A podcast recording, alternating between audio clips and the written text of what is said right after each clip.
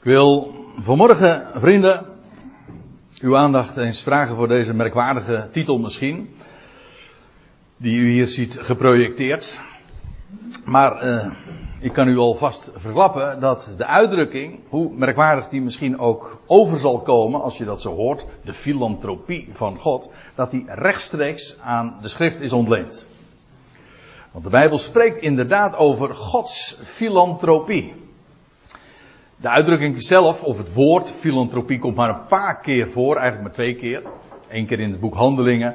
Dan lees je over dat Paulus dan aangespoeld is met, ja daar komt het op neer, met een paar andere mensen nog op het eiland Malta. En dan lees je dat die inwoners van, of de bewoners van het eiland Malta, hen buitengewone menslievendheid, filantropie bewezen. En dan vervolgens, en dat is de tweede keer, komen we dat woord weer tegen in, in de Titusbrief. De brief die Paulus schreef aan Titus, dus, hij, die had hij achtergelaten op het eiland Kreta. Dat is niet verkeerd zou u zeggen, dat is ook zo. En hij moest daar nog een aantal dingen in orde brengen die, waar Paulus niet aan toegekomen was. En Paulus was weer verder gegaan en dan schrijft hij aan Titus, zijn medewerker, zijn naaste medewerker, een heidense, een gooie zeg maar, geen Joodse man. Maar dan schrijft hij aan die Titus een brief. Nou, die brief hebben we dus in ons Bijbeltje en die bevat, dat bevat drie hoofdstukken. En dat is een parel, een geweldige brief. Het gaat niet alleen over dingen die Titus daar in orde moest brengen. En hij moest bijvoorbeeld in al die plaatsen die Paulus had achtergelaten ook zorgen dat er mensen waren die leiding konden geven. En die moest hij ook aanwijzen. Dat was een van de eerste dingen die ook Paulus dan vraagt aan hem. Of hij dat in ieder geval in orde wilde maken. Maar hij schrijft dus ook, en daar gaat het me nu natuurlijk om, over het feit dat God zelf filantropisch is. Dat wil zeggen menslievend. Want dat woord filantropie, ja, het is een Grieks woord. En dat woordje fil, dat, dat eerste zins, of dat eerste woorddeel, dat eerste lettergreep, dat, daar, zit het woordje phileo in. En dat heeft te maken met liefhebben of genegenheid. En dat antropie, dat herkennen we nog weer in anthropos of antroposofie of uh, antropomorfisme. Ja, dat is allemaal een beetje dure woorden. Maar anthropos betekent gewoon mens.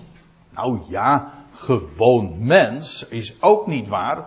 Want, laat ik dat dan.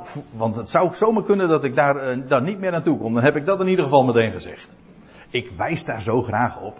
Want anthropos, als je dat woord ook weer in zijn delen opsplitst, vind ik prachtig. Anthropos betekent gewoon mens. Oké, dat is het Griekse woord. Maar het is afgeleid. Het is eigenlijk een samenstelling van woorden. En dat an, dat is een voorzetsel. Dat betekent eigenlijk anna. Dat is an, naar omhoog. En dat tweede eh, woorddeel heeft dan te maken met omkeren. En dat laatste deel heeft te maken met dat opie, met, uh, of, ja, dat heeft te maken met uh, kijken. Dus als je het woord mens in het Grieks zegt, dan zeg je eigenlijk iemand die naar omhoog kijkt. Dat is mooi. Wanneer ben je mens? Gewoon in de Griekse zin van het woord dus. Wanneer je dit doet. Omhoog kijkt. Precies wat, wat, wie was het ook weer, Ram, wat Ramses Shaffi aan Sami aanbeval. Kijk omhoog, hè, want er is één die van je houdt. Ik, ik, ik verdenk Ramses ervan dat hij misschien wel meer begrepen heeft dan uh, veel mensen misschien denken dat hij begrepen heeft. Ieder geval, klopt wel helemaal. Want daar is er één die van je houdt. Nou, dat is dus anthropos. Ben je een mens? Ben je al een mens? Hoe was het ook weer? Dat is ook een, verhaal, een Grieks verhaal trouwens. Iemand die met een lampje overal ging zoeken. En toen werd er aan hem gevraagd: Wat ben jij aan het doen, joh? En toen zei hij. Ken je niet, dat verhaal? Toen zei hij: uh, Goh, ik, ik, ik zoek een mens. Ja. Een naar omhoog gekeerd kijker. Om zo te zeggen. Iemand die omhoog kijkt. Dat is nu wat ik er natuurlijk eventjes aan vastplak. Maar goed. De Titusbrief. Titus 3. En het duurt even voordat we zover zijn bij dat, bij dat vers. Want het is Titus 3 vers 4 of 5. waar daarover gesproken wordt, over de menslievendheid van God. Maar dat betekent dus dat er een aantal versen aan vooraf gaat. En daar wil ik aanhaken. Gewoon bij het eerste vers van Titus 3. En nou ja, u begrijpt, daar zijn dus al twee hoofdstukken aan vooraf gegaan. Paulus had geweldige dingen al aan, aan deze medewerker, deze jonge medewerker, want dat weten we ook nog. Hij, eh, is juist het laatste, het laatste zinnetje van hoofdstuk 2 zegt nog, spreek hiervan, zegt Paulus, dat, dat, dat drukt hij dan op zijn hart. En hij zegt, bemoedig, en dan weer weg, met alle nadruk. En dan zegt hij nog bij, niemand mag je verachten. Of zodat niemand je veracht. Tegen Timotheus zegt hij ook zoiets. En dat heeft dan te maken vooral met zijn leeftijd. Zorg er niet voor, zorg ervoor dat, de, dat je leeftijd uh, geen reden is dat mensen op je neerkijken. Zo, dat is de gedachte dan. En dan zegt hij, herinner hen, daar op Kreta, en de gelovigen daar ook in het bijzonder, herinner hen, en dat betekent dus ook dat, dat wat hij nu gaat vertellen en opschrijven, dat dat in wezen bekende stof was. He, waaraan ze herinnerd zouden worden. Dus Paulus had dat daar op Kreta, op al die verschillende plaatsen, had hij al eerder al naar voren gebracht en onderwezen. Maar goed, hij had het eiland verlaten en Titus was daarachter gebleven. En nou zegt hij, herinner hen eraan. En hij zegt toch wel prachtige dingen hoor. Dan ook, wat, eh, ja, dat wat de gelovigen ook mogen etaleren. Ik gebruik expres even dat woord, want als u nog even terug zou bladeren, in, in, nou ik hoef niet eens terug te bladeren trouwens, in Titus 2, daar zegt hij ook dat ja, dat gaat dan specifiek eh, over de slaven. En dan zegt hij uh, dat zij in hun situatie de leer van God, onze redder, zouden versieren in alles. Eigenlijk dat is wat die, de uitdaging van die, die, die slaven die inmiddels God als redder hebben leren kennen. De uitdaging van hen was dat ze in gewoon hun dagelijks leven, terwijl ze eigenlijk niks konden zeggen, want ja, in hun positie kon je, had je niet al te veel in te brengen natuurlijk, maar dat ze in hun leven, gewoon door hun houding, en hij beschrijft het dan ook, dat ze de leer van God onze redder zouden versieren. Het ging in de praktijk, het ging in de leer niet, het ging in de leer niet om de praktijk. Dat zeggen mensen heel vaak, hè. Nee, het gaat in de praktijk om de leer.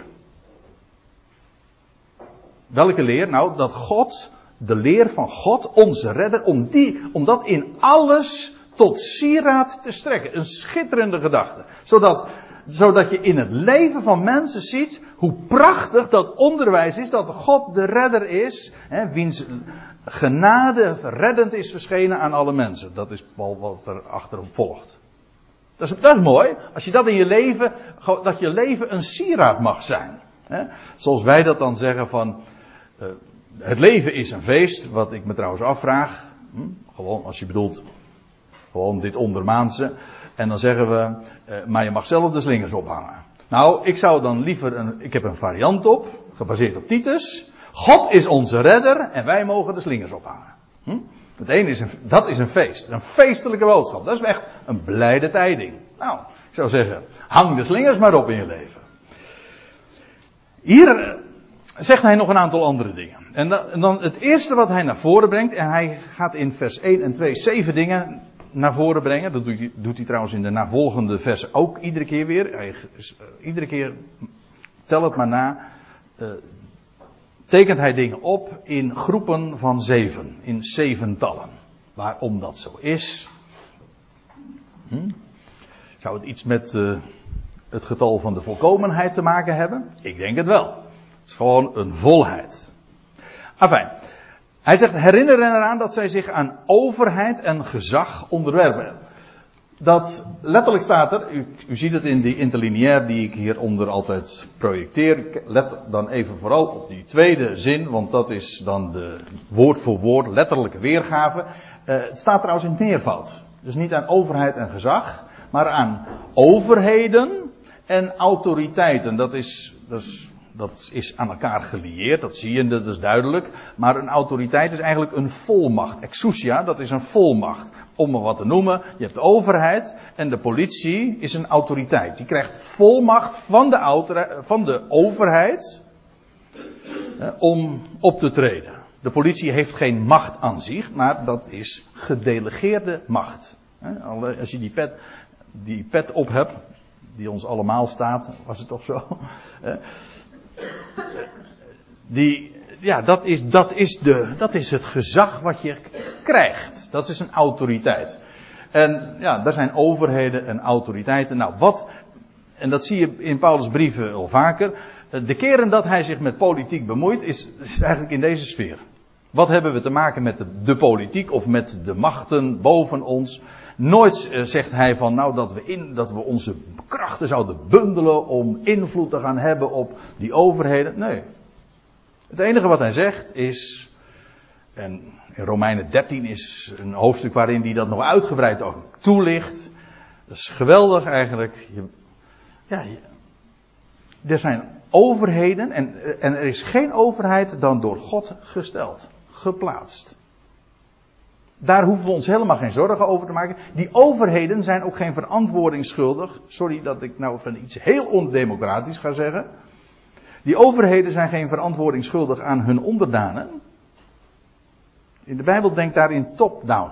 Van, nee, die overheden die zijn gesteld door God en daarom ook verantwoording schuldig aan God. Een overheid is geen dictatuur, dat wil zeggen, eh, een, die mag zelf bepalen. Nee, God heeft ze gesteld en ze zijn verantwoording schuldig aan God. Niet aan de onderdanen.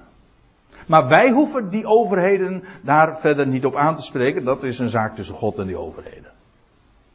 Ja, dat is een heel andere mindset.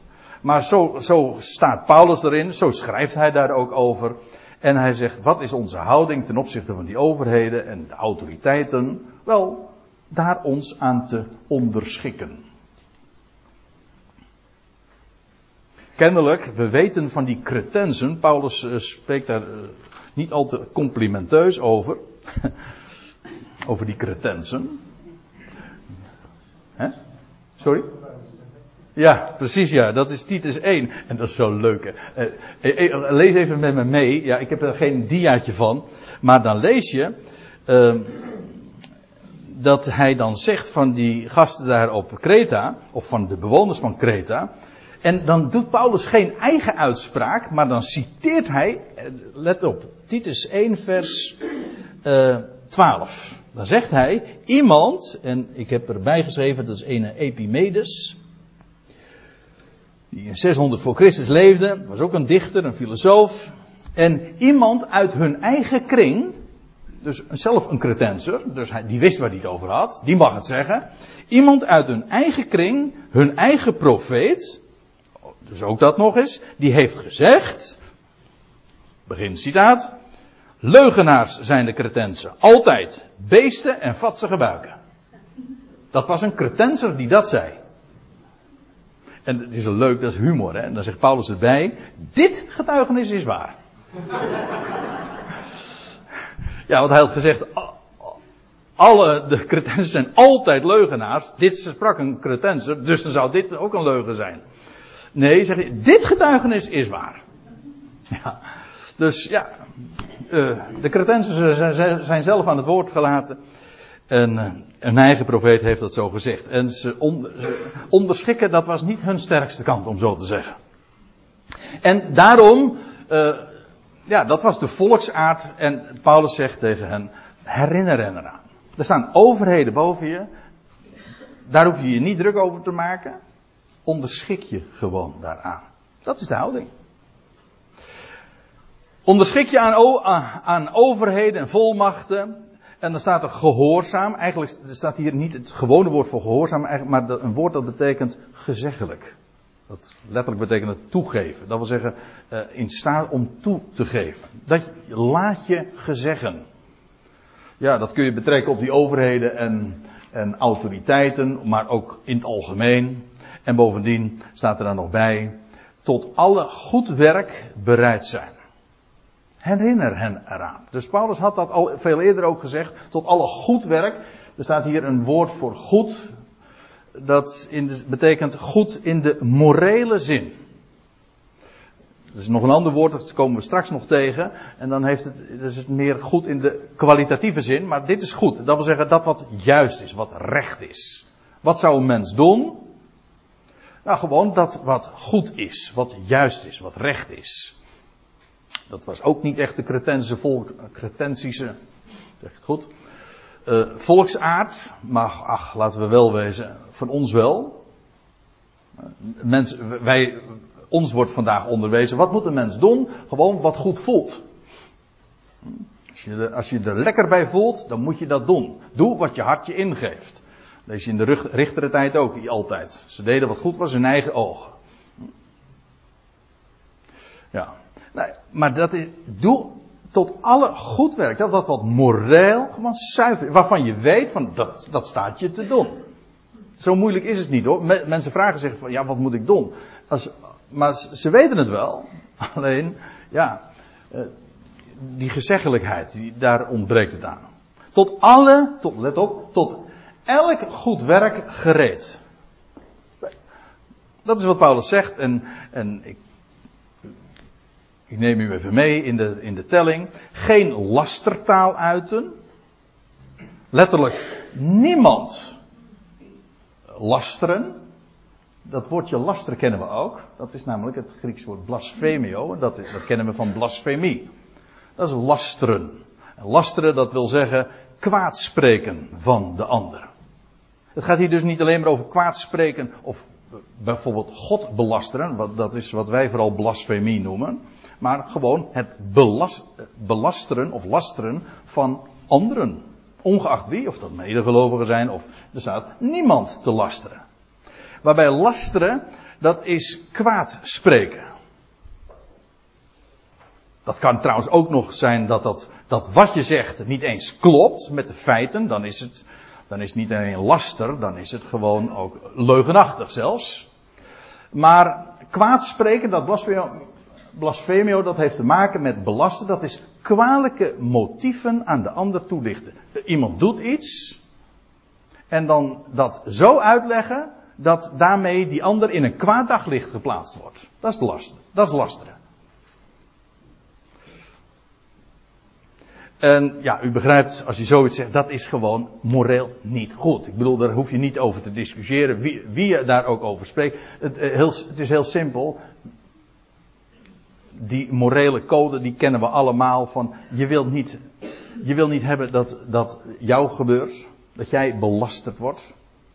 Nou, doe dat dan ook de ander niet. Dat is toch, dat is moreel zuiver. Daar kun je iedereen op aanspreken, dat iedereen begrijpt dat ook. Dat is, dat is goed. Dat is dat, dat woordje agathos.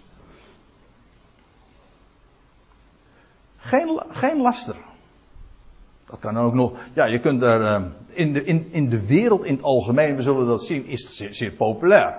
Je kunt, eh, je kunt er goud geld mee verdienen. Door wekelijks blaadjes uit te gaan geven onder de naam van story en hoe heet dat, privé en weet ik wat. Dan is het ook nog roddel, want het gaat erin als koek. Staat ook al in het boek Spreuken trouwens. Dat, uh, hoe staat het er precies? Het gaat in de schuilhoeken van het hart. Heerlijk om te horen. Om de ellende van de ander te horen. En vooral om uitleggingen te horen van gedrag van andere mensen. Al of niet terecht. Maar dan zodanig uitgelegd dat het dat die ander daarmee in, in ieder geval in een, in een kwaad daglicht geplaatst wordt. Dat is dus blasfemio. Nou, dat zouden we niemand aandoen. Niet twisten. Nee, en dan gaat het niet over een soort dans, die al ver uit de tijd is inmiddels natuurlijk. Hè. Nee, dan gaat het over. Letterlijk staat er niet vechtlustig te zijn. Dus niet. Dat kan ook nog. Je wil, je wil strijden. Je wil twisten. Spreuken 15, daar staat een woord. Een opvliegend mens verwekt twist. Gauw op je teentjes getrapt zijn en, en in, je hebt zomaar de vlam in de pan. In, ja, in het algemeen. Op internet trouwens helemaal. Hè. Als je mensen niet ziet, dan krijg je helemaal gauw gemakkelijk van die discussie en er wordt dan een gevecht. Nou, Paulus zei, niet vechtlustig te zijn. Een opvliegend mens verwekt twist, maar staat er erbij, een langmoedige doet de strijd weer bedaren. Of doet de strijd bedaren. Dat kan ook nog. Dus dat is precies tegenover. Dat is vredelievendheid. En je daar niet in te begeven. Niet te twisten. Dat zijn allemaal van die dingen. En dit wordt gezegd dan met het oog op de cretensen. Maar laten we wel wezen. Ik zou zeggen. Steek ze maar in je broekzak. Hè, zoals we dat dan uh, formuleren. Of neem ze ter harte. Dat lijkt me nog wel beter dan je broekzak. Uh, vriendelijk te zijn. Eigenlijk staat hier een woord dat ook, ja, in de MBG-vertaling wordt het eh, meestal weergegeven met vriendelijk, of misschien wel altijd. Maar eigenlijk heeft het de betekenis van welwillend zijn. Inschikkelijk. In Filippenzen 4, vers, wat is het, 5 staat, of vers 4, daar staat, uw inschikkelijkheid, de Telos-vertaling, uw inschikkelijkheid zijn alle mensen bekend. Je schikken ook in de omstandigheden die er zijn. Dat kan ook, het heeft alles te maken met de boodschap ja, die zij, deze cretensen inmiddels vernomen hadden. Ze kenden God. Als je God kent en je weet er is er één die alles plaatst in de tijd en in je leven, gewoon ook persoonlijk, dan weet je, het, is, het gebeurt niet zomaar, het wordt beschikt. En als je dat weet, als, er, als je weet dat er een God is die van jou houdt en die van deze wereld houdt en die alles in zijn hand heeft en die de dingen een plaats geeft, dan kun je ook, dan heb je daarmee ook een, een, een overtuiging, een onderliggende overtuiging waarbij je je gemakkelijk kunt schikken, inschikken. En waardoor je ook welwillend kunt zijn ten, opzichte van de omstandigheden, maar ook ten opzichte van andere mensen. Ja, welwillend, inschikkelijk. Dat, het heeft dus ook te maken met niet op eigen rechten of je gelijk staan je schikken. De dingen gaan gaan zo vaak anders. Gisteren hadden we er thuis er nog een heel gesprek over. Dingen gaan soms zo anders in je leven dan je misschien altijd gedacht had. Of valt dan tegen. En als je dan inschikkelijk bent. Ik vind het mooie van dat woord, in Nederlands in ieder geval, nog dat daar het woordje schik in zit. Want als je God kent, de liefdevolle God kent, die dat beschikt, dan kun je dat ook nog met vreugde doen. Dat is in, daar heb je de schik in. Hm? Inschikkelijk. En alle zachtmoedigheid, dat woord gebruiken we niet meer, maar ik denk dat er een perfect Nederlands woord voor bestaat. En dat is uh, bescheidenheid. Het wordt heel vaak in, dit woord wordt in één adem genoemd met, met nederig van hart. Ik heb er een paar bonnetjes bij geleverd. Dan moet u thuis maar eens een keertje nakijken als u dat ook wil controleren. Maar het is zachtmoedigheid, dat is bescheidenheid aan de dag leggen. Het is zachtheid, dat, dat heeft bij ons misschien een beetje de klank van ja, dat, je, dat je zacht bent. Hè? Een, een mietje of dat je je over je heen laat lopen. Nou, dat over je heen laat lopen, dat misschien wel. Maar zacht is juist, het is een kwaliteit dat je het vermogen hebt de bescheidenheid aan de dag legt van ja. Ten opzichte van de ander, de ander meer erachter, maar bovenal natuurlijk God. Bescheidenheid. Alle bescheidenheid bewijzen en let op aan alle mensen. Alle mensen. Dat alle mensen, dat is ook een, haast een refrein in dit, in dit, dit briefje. Want we kwamen het al eerder tegen. Ik zal het straks trouwens ook nog citeren. Alle mensen. Want de menslievendheid, die filantropie van God, die is gericht op alle mensen. Zonder uitzondering. Daarom niet belasterig, niemand. Maar ook daarentegen je bescheiden opstellen en je dat betonen. Naar wie toe? Nou, nou gewoon naar alle mensen. Die bescheidenheid. Want, zegt Paulus, ja, dat zie je. Dat het inderdaad bescheidenheid is. Want vroeger ook, waren ook wij verdwaasd. Hoezo bescheiden dan? Wel, Paulus zegt. Via Titus tegen de Cretensen. We zijn geen haar beter. We zijn niet beter dan die anderen, dan de rest. Die hier nog geen weet van heeft. Of wie het hart hier nog niet voor geopend is. Nee, we zijn helemaal, helemaal niks beters. Komt er opbouw in, hè? Daar gaat hij nog nader motiveren. Maar hoezo bescheiden dan? Nou, want vroeger waren ook wij verdwaasd. Dwaas, Dat eigenlijk, dat letterlijk betekent het uh, son, zonder verstand. Dat is het Griekse woord wat het eigenlijk. Het zonder verstand, oftewel onwetend. Ja, en als je onwetend bent, ja, dan uh, kunnen dingen je ook trouwens niet kwalijk genomen worden. Als je van dingen geen weet hebt, dan ben je dus eigenlijk een onbenul.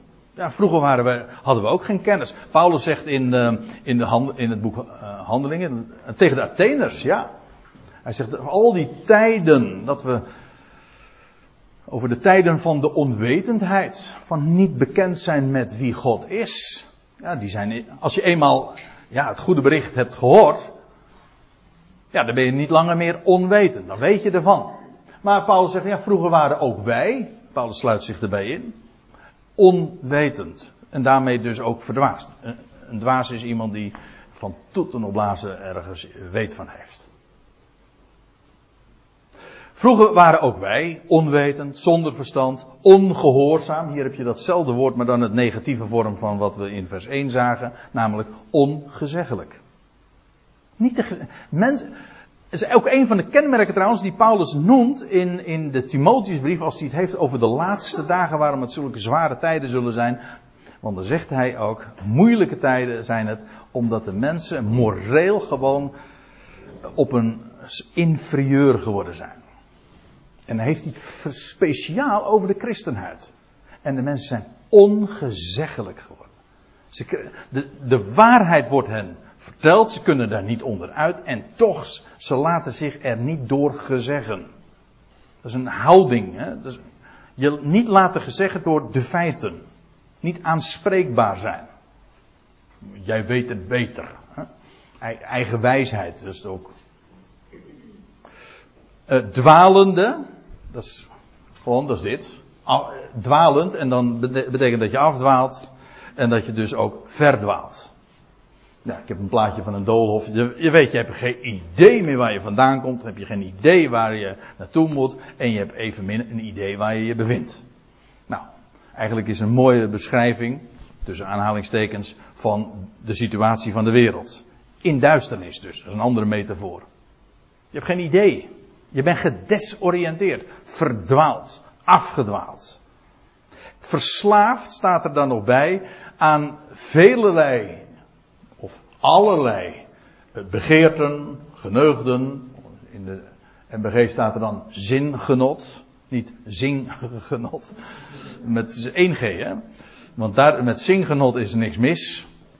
Maar met zingenot trouwens ook niet, maar wel aan het aan verslaafd zijn.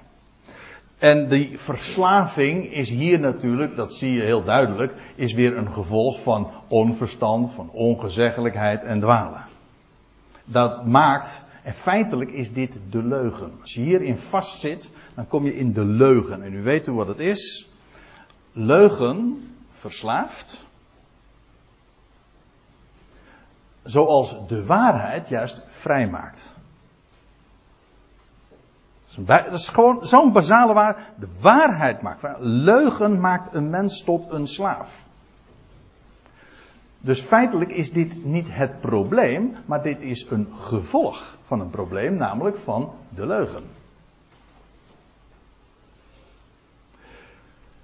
Ik moet doorgaan, levende, of letterlijk ziet doorbrengende, want feitelijk. Oh, kijk, als je in dit soort, als dit je leefwereld is en dit je houding is, dan leef je natuurlijk niet echt, hè. Dat noem ik geen leven.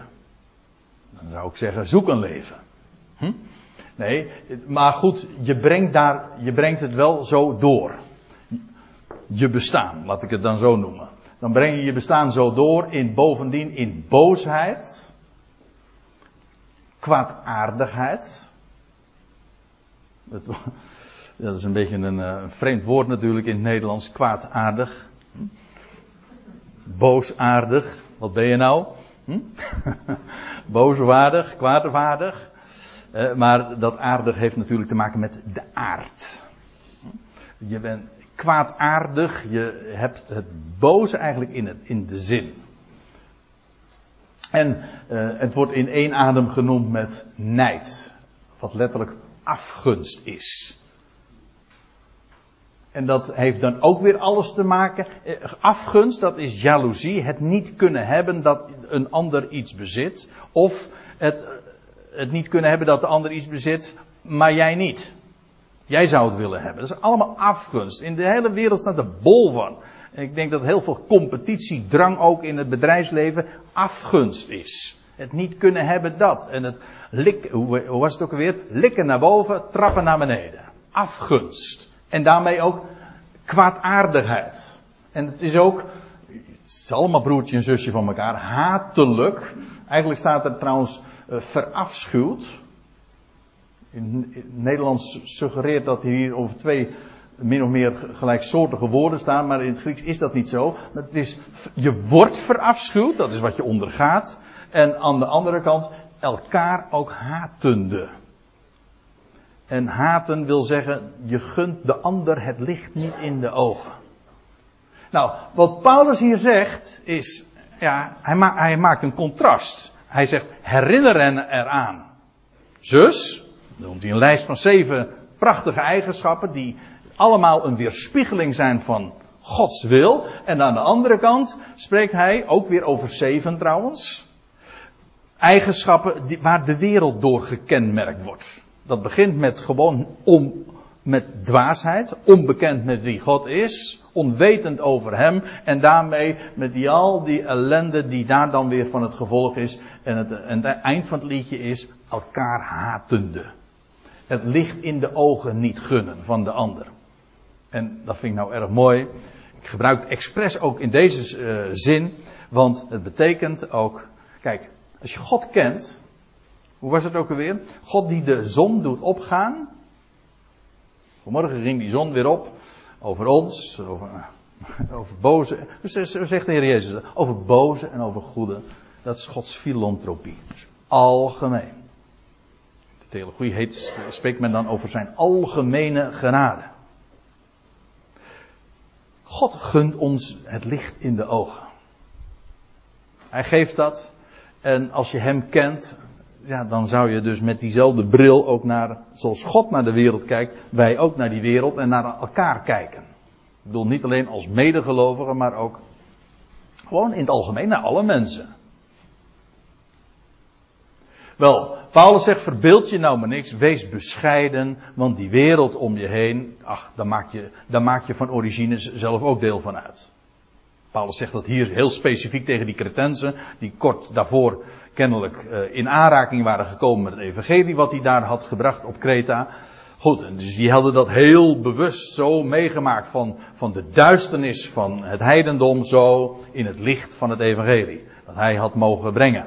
Ja, dat is een heel groot contrast. En hij herinnert daarna, nou hij zegt, je was, je was toch exact hetzelfde. Van huis uit, we zijn gewoon helemaal niet beter, dat is het. En dat is waarom hij dat zo ook neerzet. En nou, nou komen we bij vers 4. Het duurt wat lang, hè? maar dat moet je, je moet die achtergrond hebben om vers 4 te begrijpen. Over die, die filantropie van God. Want er staat er nog iets bij.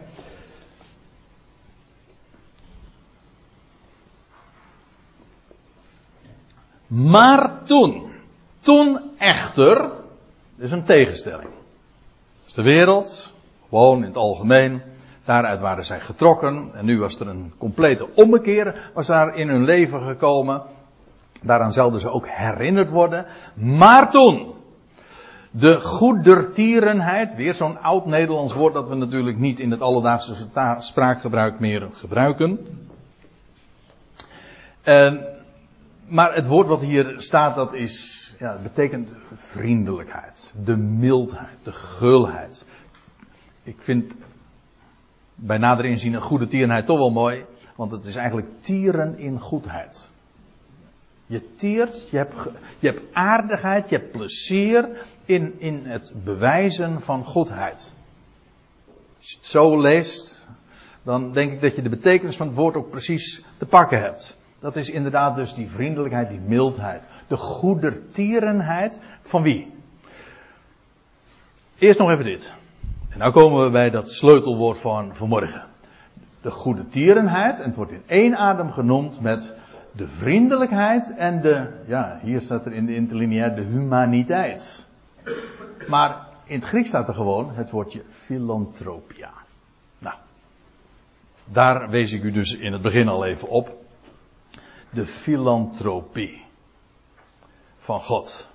Kijk, wij kennen dat woord heel goed. En in de dagen van Paulus en ver daarvoor was het ook een heel bekend woord, begrip in de Griekse denkwereld, het Griekse spraakgebruik. En ik heb daar zo het een en ander over gelezen, wanneer het ook gebruikt werd. Maar het heeft altijd te maken met het lenigen van nood. mensen die zich in moeilijke omstandigheden bevinden. En zo is het trouwens vandaag nog steeds. Een filantropische instelling die zet zich in voor mensen in nood. Ongeacht of dat medisch is of sociaal of nou ja, eh, politiek, etc. Mensen in nood. En die mensenliefde, ja, dat zijn filantropische instellingen die zetten zich in voor mensen. Maar hier wordt uh, gesproken over de mensenliefde van God. Gods filantropie. Toen de filantropie tevoorschijn kwam van de redder van onze God. Dat, zo zegt Paulus dat. God houdt van mensen. Dat is wat dit woordje filantropie zegt. En waaruit blijkt dat? Dat is mooi. Dat is nog iets. Want mensen zeggen dan van ja, u kent het. God die houdt van de wensen, maar waarom is er dan zoveel nood? De grote reden waarom mensen vijandig en vervreemd zijn van God en dus ook verzoend moeten worden met God. Maar de grote reden waarom mensen vijandig en vervreemd zijn, omdat ze God iets kwalijk nemen. Sterker nog, ze zijn van hem vervreemd omdat ze het hem kwalijk nemen dat er zoveel ellende en narigheid in de wereld is. En als u niet gelooft dat dit de reden is, dan vraag je dat maar eens aan je collega, of aan je buurman, of weet ik veel aan wie, maar die deze dingen van het woord niet kent. Spreek, en ik heb het over niet godsdienstige mensen. Waarom zijn ze vervreemd van God? Omdat ze God iets kwalijk nemen. Als God er zou zijn, daar kunnen ze eigenlijk niet onderuit, want alles getuigt van een geweldig intelligent design. Van klein tot het, tot het microscopische tot het macro. Alles getuigt van design. En waarom zijn ze van hem vervreemd? Als God er zou zijn, of als God er is, waarom dan toch? Vul maar in. En dat vervreemdt hen, of om niet te zeggen, dat maakt hen vijandig ten opzichte van God. Maar waarom wordt hier dan gesproken over de filantropie van God? Men, men zegt dan van ja, hoe kan God van mensen houden? Of hoe kan God de wereld lief hebben als daar al die ellende is? Maar het is precies omgekeerd. Het is precies omgekeerd. En ik kan het ook heel makkelijk uitleggen aan de hand van dat woord filantropie. Filantropie betekent menslievendheid, dat wil zeggen de noodlenigen van mensen. Daarin blijkt menslievendheid. Maar dat betekent dus, alleen als er nood is, als er ellende is, als er problemen zijn, als er nood te lenigen is, kan die menslievendheid bewezen worden. Zonder nood kan er geen menslievendheid zijn. Er was een, uh, ik heb, onlangs werd ik uh, daarop gewezen, ik kreeg een, uh, dat opgestuurd, een, een citaat, notabene, ik heb daar ook een blogje een maand of wat geleden aan gewijd. Een citaat van de bekende filosoof uit van anderhalve eeuw geleden, Friedrich Nietzsche. Een, een, natuurlijk een autoriteit in de filosofie. En die Nietzsche, die zei, hij zegt, ik gun de mensen waarvan ik hou, gun ik veel ellende. Dat klinkt heel vreemd. Hij zegt, want alleen ellende en het, de zwartste omstandigheden maakt het beste in een mens los. En openbaart Zonder dat, zonder die achtergrond kan je nooit bewijzen dat je houdt van. Nou, zo diep gaan uh, we nou vanmorgen ook niet. Ik wil het eventjes beperken tot dit woordje menslievendheid. Menslievendheid heeft altijd te maken met nood, die er is en waaruit je gered wordt. Wel, daar gaat het hier ook over. God houdt van mensen. De filantropie van God is verschenen. Die kwam tevoorschijn. En waaruit blijkt dat? Wel in die redding. En vandaar ook dat ik hier wijs op een vers wat Paulus dus hier kort tevoren schreef. Filippenzen 2. Ik, ik, lees dat, ik lees dat gedeelte even voor. Er staat. Oh. Moet wel de goede bladzijde voor me hebben. Er staat. Van die slaven wordt dan gezegd om de leer van God onze redder in alles tot sieraad te strekken of te versieren. Cosmetica staat er eigenlijk in het Grieks. En er staat erachter, want de genade Gods is reddend verschenen aan alle mensen. Om ons op te voeden, et cetera. Maar nu even dit. De genade Gods is verschenen, reddend aan alle mensen. Kijk, dat is Gods filantropie. Hij houdt van alle mensen. En waaruit blijkt dat? Wel dat hij hen wil redden. Sterker nog, hij gaat hen redden. Dat doet hij namelijk om niet. Dat gaat, nu juist, dat gaat Paulus nu ook in het navolgende zeggen. Dat zijn de waarheden die de, die de schrift benadrukt. Ik weet het, in de christelijke theologie is het allemaal onder, onder uitge, ja, hoe zeggen ze dat, onder het tapijt geschoven. Men wil daar niet aan. In de orthodoxie wil daar niet aan. Maar God houdt van alle mensen. Hij redt alle mensen. Want de genade van God is reddend verschenen aan alle mensen. En geen mens is er bij. Het loutere feit dat onze ogen geopend zijn, dat is dat we nog eens een keertje super bevoorrecht zijn, dat we nu al dat mogen weten. Maar er komt een moment dat iedere knie gaat buigen. En iedereen dat zal erkennen.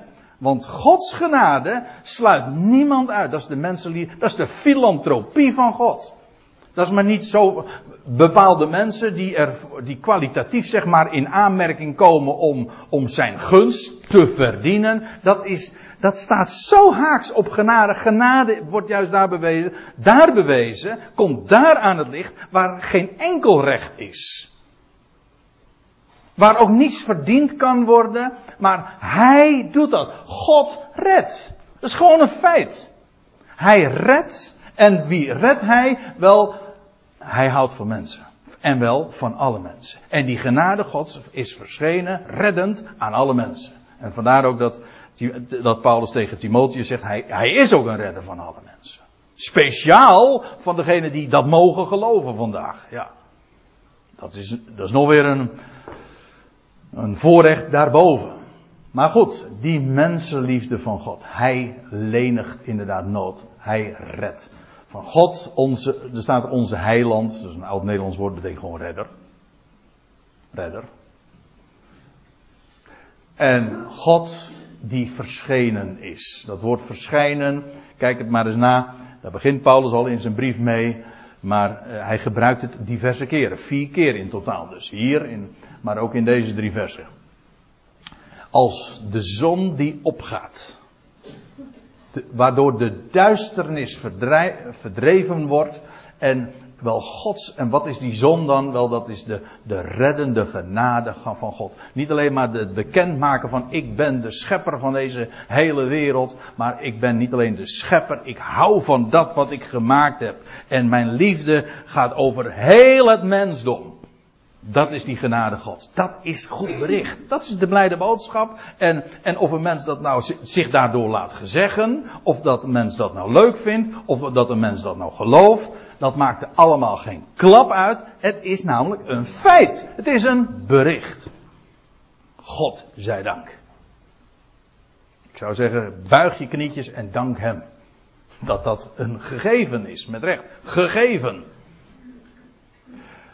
Maar toen de goedertierenheid en de filantropie van onze redder en God verscheen. De duisternis verdrijvend heeft hij, let op, dit is nog steeds dus ook een, een in het betoog Paulus zegt van ja, vroeger waren wij ook. Wees bescheiden, want je hoeft je helemaal niks te verbeelden. Hij zegt wij waren net zo. Hij zegt eh, er is een, alleen een verandering gekomen toen, toen de menslievendheid van God verscheen. Namelijk in zijn zoon. Ja, toen, daarover hebben we het toch. We hebben het over hem die gedood werd. Waar, waarmee trouwens bewezen werd hoe vijandig de wereld is. Sterker, hoe vijandig de godsdienstige wereld is. De crème de la crème, de orthodoxie van die dagen, die de Bijbel beheerde, die heeft ervoor gezorgd dat Jezus aan het kruis genageld werd. Dan zie je dus wat de mens met al zijn orthodoxie doet met het beste wat God geeft. Die, ze nagelde hem aan het kruis. En weet u wat Gods antwoord was? Drie dagen later, hij wekte zijn zoon op uit de doden. Om leven aan het licht te brengen voor wie? Wel voor alle mensen. Zo, dat leven wat, wat hij aan het licht bracht. Die de wereld, hem die de wereld vermoorde en aan het kruis nagelde. Wel, door hem ga ik aan deze wereld het leven geven. En daarmee bewijst God dat hij werkelijk houdt van deze wereld. Van iedereen. En dat die liefde dus niet kapot te krijgen is. Nou, dat is liefde. Dat is liefde. En daarom zegt hij ook, ja, heeft hij niet omwerken van, recht, van in rechtvaardigheid welke wij doen. staat trouwens, eh, het gaat hier niet eens over iets wat in een voltooide vorm, er staat, het is als een feit, onbepaalde tijd, welke wij doen. Dus het heeft dus niks te maken met iets van onszelf, van een daad van gerechtigheid, waardoor wij ons hiervoor zouden hebben gekwalificeerd. Dan zou het namelijk niet meer zijn vanwege zijn filantropie en vanwege Gods goede tierenheid. Want dan zouden we kunnen zeggen, nee, maar wij hebben daar iets aan bijgedragen. En feitelijk, dat is wat in het algemeen verteld wordt. En dat is zo, dat is gif, dat is echt gif en fataal voor deze boodschap. Op het moment dat de mens feitelijk beslissend is, de finishing touch is voor de mens, de mens kiest, en daarom, dat is het bekende evangelische verhaal, tussen aanhalingstekens, doordat ik gekozen heb, nou dan is het dus toch weer een eigen werk. Dan kun jij zeggen van nou ja, maar ja, wacht eventjes, ik mag dan heel erg slecht zijn, maar ik heb wel voor hem gekozen. Nou, dat is het eigen werk. Dat geen, dan is het niet meer de filantropie van God, niet zijn genade. Nee, dan is het iets van jouzelf. Nou, weg evangelie. Want evangelie is nu juist, het is niets van jouzelf. Niet omwerken van recht, in rechtvaardigheid welke wij doen, maar naar zijn ontferming. Zijn ontferming. Hij ziet naar ons. Dus het is niet wij, maar zijn ontferming. Het is zo glashelder. Het is alleen maar vertroebeld door de mens die hier zeg maar uh, met al zijn theologische wijsheid dit uh, hier een draai aan geeft en waardoor de waarheid een leugen wordt. Maar het is niet onze werken, maar het is zijn ontferming. God ontfermt zich. En het feit dat wij dit mogen zien, dat is zijn ontferming. Die ons ja, gered heeft. Ook hier weer, het is een hij red. Ook hier weer, het feit wordt gesteld. Onbepaalde tijd. Door het bad. Ja, door bad, door baden. Van, en uiteraard heeft dat te maken met, met water. Maar waar is dat een beeld van? Paulus gebruikt hier een, een, een metafoor. Hè? Door, door bad van wedergeboorte. Water in de Bijbel is zoals u weet, een beeld van Gods woord. Gods woord dat dorst lest, maar dat is hier niet de gedachte. Het gaat erom over het Gods woord dat als water ons reinigt. Dat ons, waarin we ons baden, waardoor we schoongemaakt worden. Nou, waarvan schoongemaakt? Nou, daar hadden we toch, daar had Paulus zojuist over geschreven. Over waar de hele wereld door getypeerd wordt.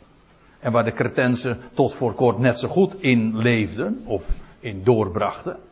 Nou, en nu waren ze gebaat. Dat was, uh, hoe zeg je dat uh, beter Nederlands?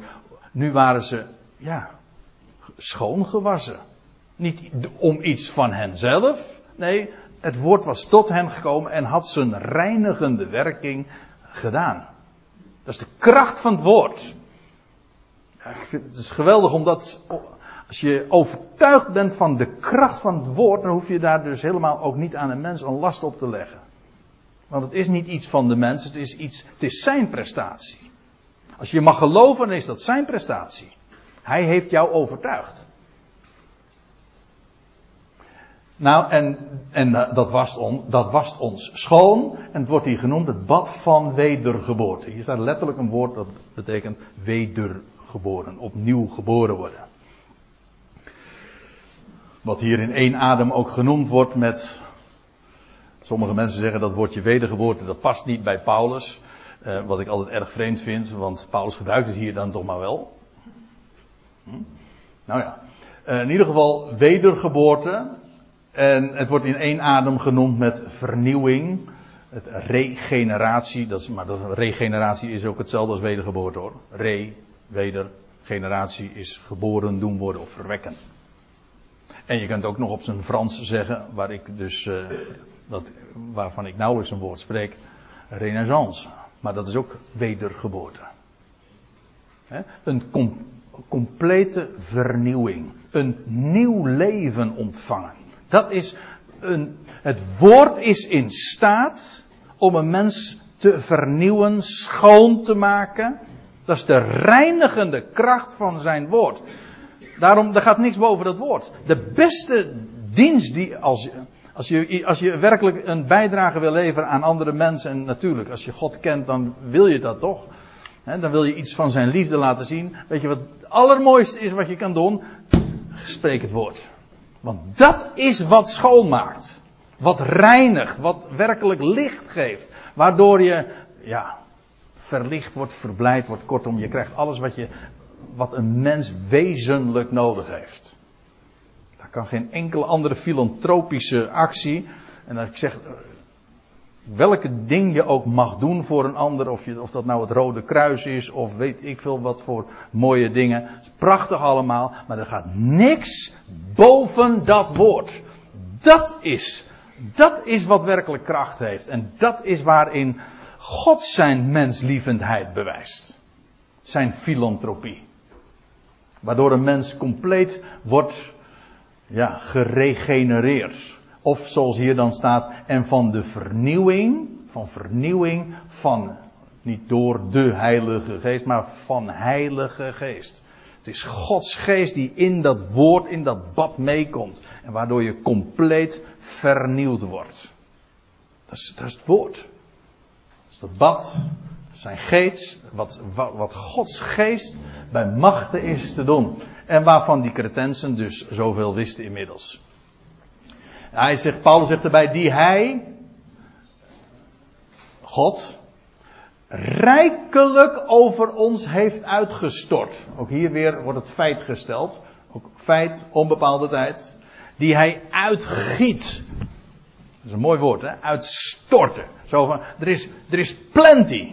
Hij, dat, dat geest, woord, dat wat, uh, wat vernieuwt, wat reinigt, wat ons baat.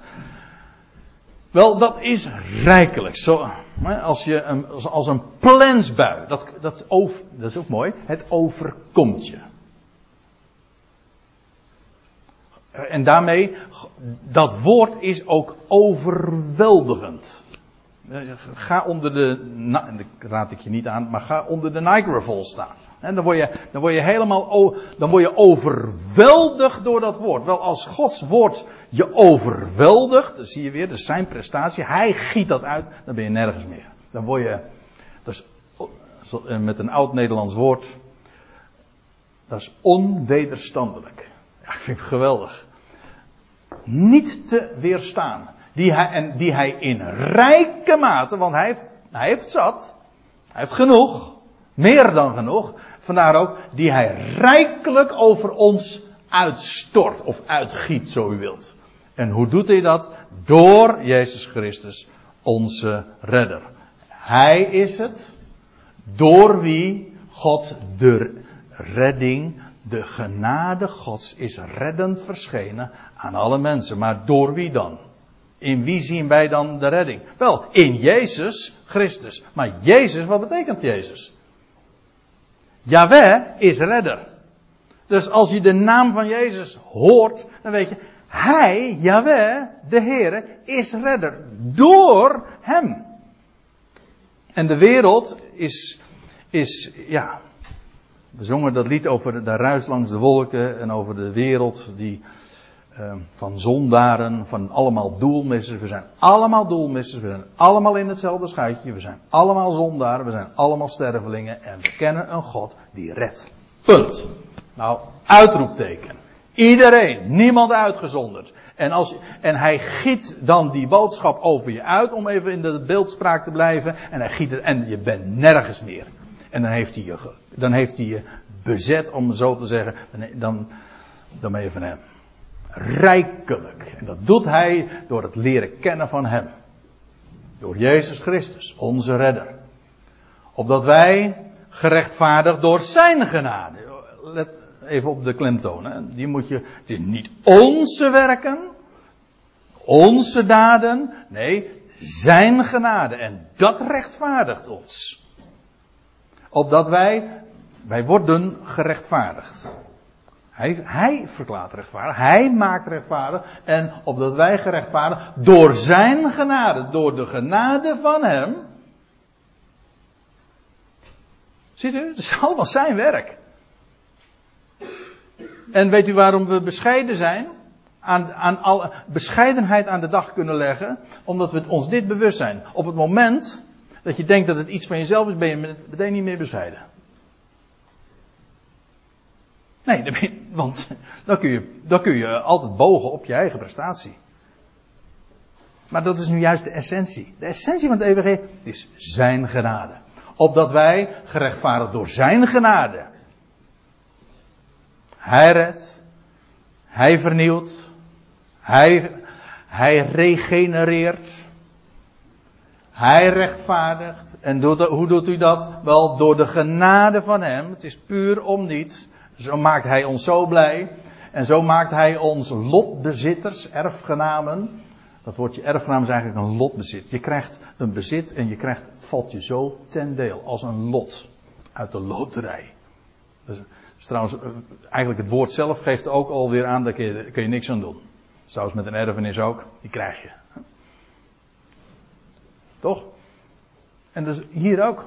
Het valt je ten deel. Goh, waarom? Nou, het is geen verdienste. En je hebt er ook niet voor gewerkt en je hebt er ook niet voor kunnen kiezen, want dat is juist bij loting toch de hele essentie. valt je ten deel. Je hebt er helemaal niks in, bij in te brengen. Anders is het een valse loting. Hè?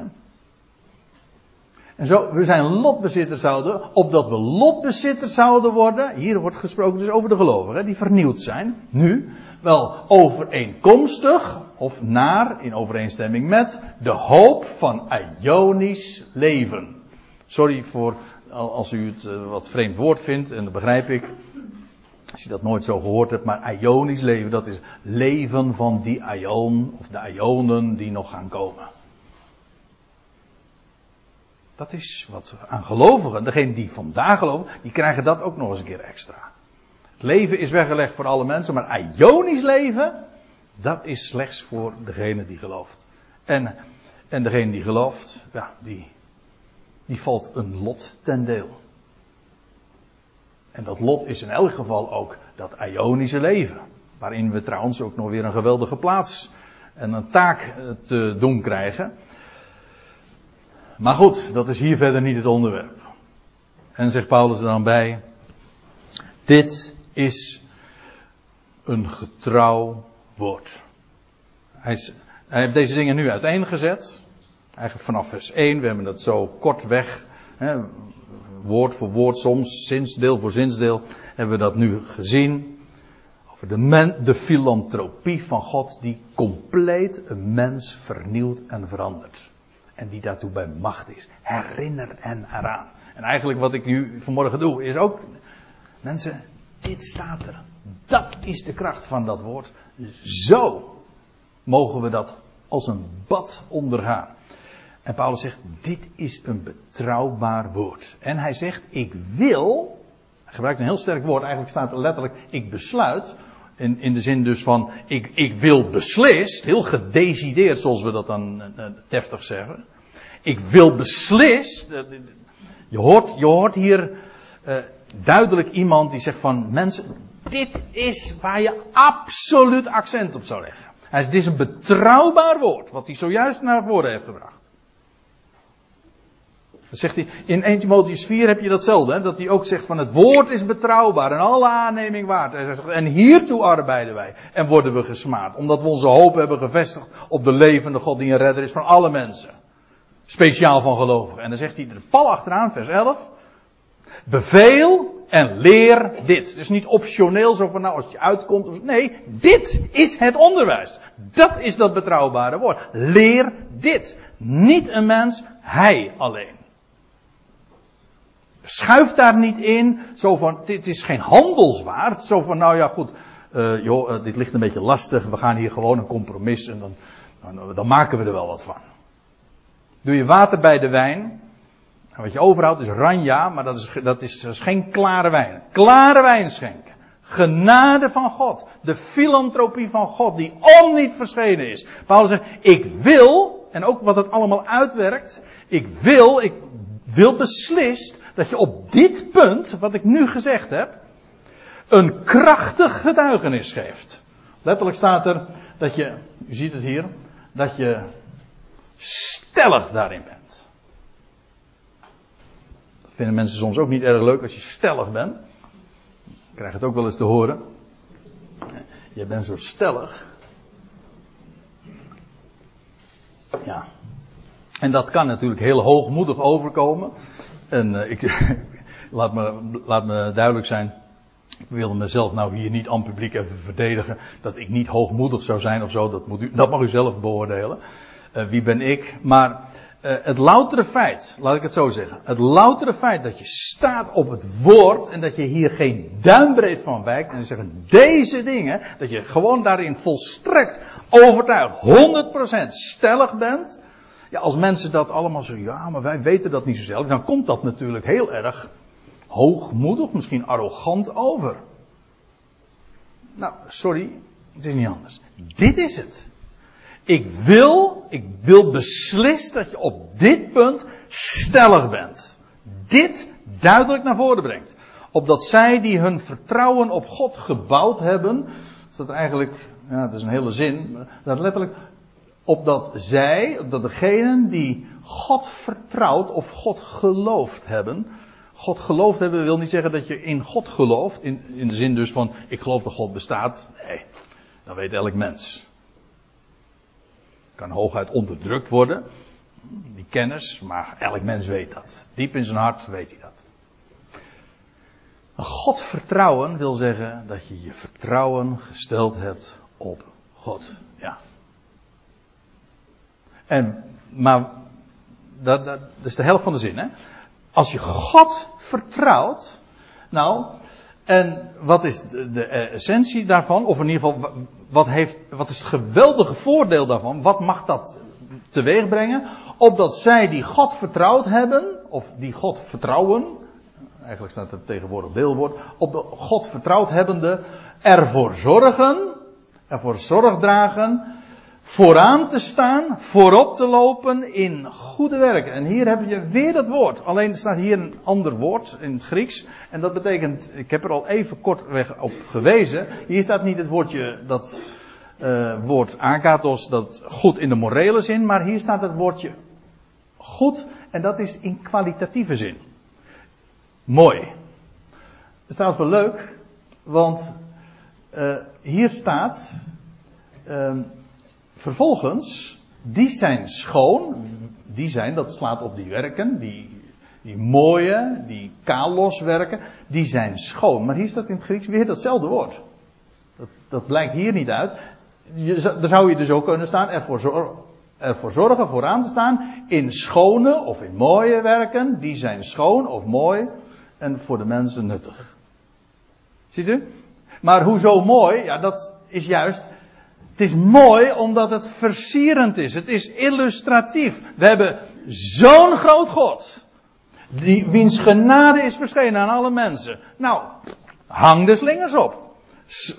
Illustreer dat in je leven. Kijk, zo mag elke dag dus een, een leven zijn waarin je dat geweldige, mooie van God mag etaleren. Paulus zegt, zorg er nou voor, en benadruk dat dat gewoon die leer in het leven van de mensen centraal staat. Zodat elke dag een getuigenis is, een ode is aan die God. Opdat zij die God vertrouwen, ervoor zorgen, vooraan te staan in zulke mooie, in zulke illustratieve werken. Die zijn schoon, illustratief, mooi. En bovendien voor de mensen nuttig. Ja, nou zou ik door kunnen gaan. Maar dat doe ik niet. Want ik ben al over tijd. Uh, ja, dat klinkt ook weer zo vreemd natuurlijk. Uh, André is over tijd. Uh, maar, ja, dan gaat hij, gaat hij weer een tegenstelling. Maar dwaze vragen, geslachtsregister, twisten, strijd over de wet moet je ontwijken. Het is nutteloos, doelloos. Dus, ik wil het bij het positieve houden. Over die God, over die liefde. Ik stel voor, beste mensen, dat we over dat woord, over die God nog een lied gaan zingen.